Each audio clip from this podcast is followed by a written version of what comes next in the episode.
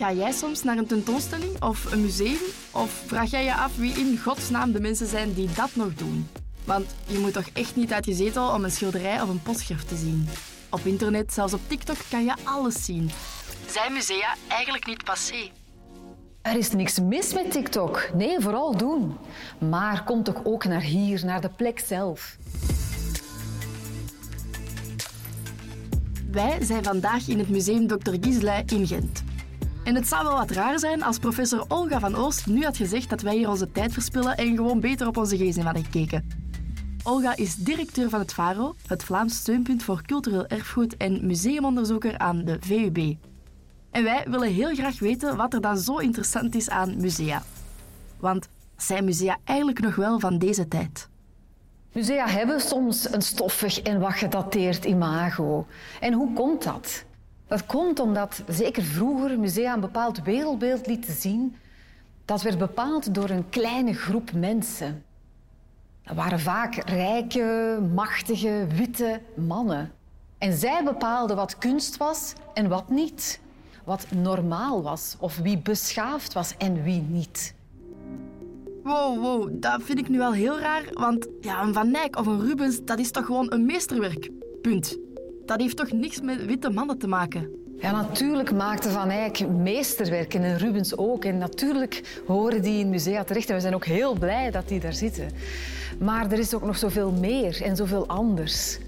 En ook bezoekers beseffen dat vaak niet. Maar alles wat er verzameld wordt en getoond in een museum, ja, dat is natuurlijk getoond volgens een bepaald perspectief. Kijk bijvoorbeeld in deze zaal. Hier hangt werk van kunstenaars. Echt sterk, sterk werk. Maar deze werken konden lang niet terecht in een museum. Waarom niet? Omdat de makers niet werden beschouwd als echte kunstenaars. Dat waren mensen met een uh, psychische stoornis of ze zaten in, in een inrichting. Gelukkig dat dit museum hier wel aandacht aan geeft en dat deze kunstenaars echt wel hun plek krijgen. Een hedendaags museum toont ook kunst die niet door witte of elitaire of zogezegd normale mannen is gemaakt. Maar het is toch vreemd dat dat meespeelt in wat musea tonen of toonden. Want wat er in musea te zien is, dat is altijd gebaseerd op wetenschappelijk onderzoek. De bibliotheek, boeken. Dit is echt het hart van het museum.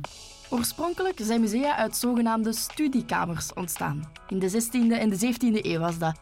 Geleerden kwamen dan samen om na te denken en te discussiëren. En gaandeweg gingen ze ook verzamelen, curiositeiten. En werden het wonderkamers, om zich te verwonderen over de wereld. En er waren ook kunstkamers. Dan ging men echt kamers inrichten met allerlei schilderijen.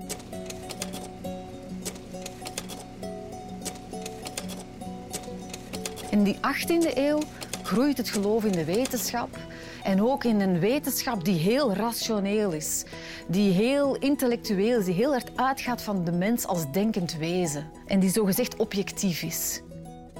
Vandaag zijn we al iets minder naïef, want wetenschappers werken ook altijd vanuit een eigen visie, vanuit een eigen wereldbeeld en zijn dus ook niet helemaal neutraal.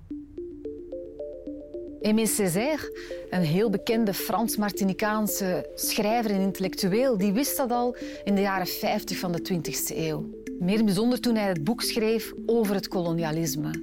En daarin vertelt hij dat op basis van wetenschappelijke kennis koloniale branddaden werden goedgekeurd. Dat men in de kolonie spoorwegen bouwde en die kwantificeerde het aantal spoorwegen opschreef. Dat men zei de industrie floreert daar. Allemaal wetenschappelijk in kaart gebracht. Maar wat werd er niet in kaart gebracht? Dat was natuurlijk het menselijk leed. Alle emoties en trauma's die dat ook met zich meebracht. En vandaar dat hij ook pleitte voor de inbreng van meer poëtische kennis. Poëtische kennis en gevoelens zijn ook belangrijk. In wetenschap en in wat musea tonen. Want anders kan je een raar, een fout beeld krijgen van de wereld. En doordat we in hedendaagse musea ook nadenken over die gevoelens, zijn er zaken die vroeger wel normaal waren, misschien zelfs niet kwaad bedoeld, maar die nu echt niet meer kunnen. Een mensenzoo bijvoorbeeld.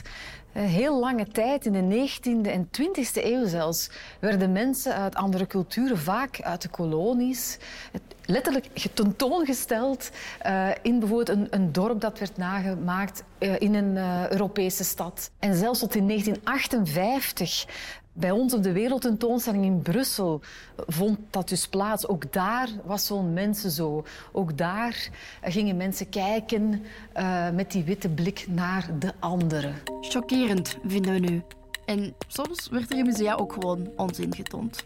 Kijk hier naartoe bijvoorbeeld. Dat is een frenologisch model. De frenologie dat was een wetenschap uit de 18e eeuw, waarbij men aan de hand van de vorm van de schedel ging bepalen wat voor karakter en persoonlijkheid iemand had. Vandaag is er niemand die nog zoiets zou zeggen. Iedereen vindt dat onzin. Wetenschappelijke inzichten veranderen en wetenschappers hadden of hebben soms ook een eigen agenda en misbruiken daar musea soms voor. Ja, het is zo. In het verleden, musea en tentoonstellingen hebben echt vaak gebruikt uh, om ja, op basis van zogezegde wetenschappelijke feiten uh, persoonlijke visies en wereldbeelden de wereld in te sturen. Ja, dat is ook wel wat confronterend en pijnlijk natuurlijk voor ons wetenschappers. Oké, als musea nog relevant willen zijn, dan moeten ze genoeg diverse mensen en werelden laten zien, gebaseerd op wetenschap en onderzoek, maar tegelijkertijd ook kritisch tegenover de wetenschap en met genoeg gevoel. Dat blijft allemaal nogal wat vaag, graag wat concreter. Wat is het recept voor een hedendaags museum? De perfecte formule die bestaat natuurlijk niet. Een museum dat bij de tijd wil blijven, dat vraagt tijd, investeringen, middelen. Zoals hier in Museum Dr. Gislain. Dit museum staat letterlijk en figuurlijk midden in de samenleving. De Buren is het psychiatrisch ziekenhuis waar ze geregeld mee samenwerken. Het museum trekt ook naar de wijk, zet buurtprojecten op en men ontwikkelt trajecten rond zorg en mentaal welzijn. En allemaal vanuit dat perspectief van denken en voelen. Kritisch, taboe doorbrekend, weg van dat stereotype denken.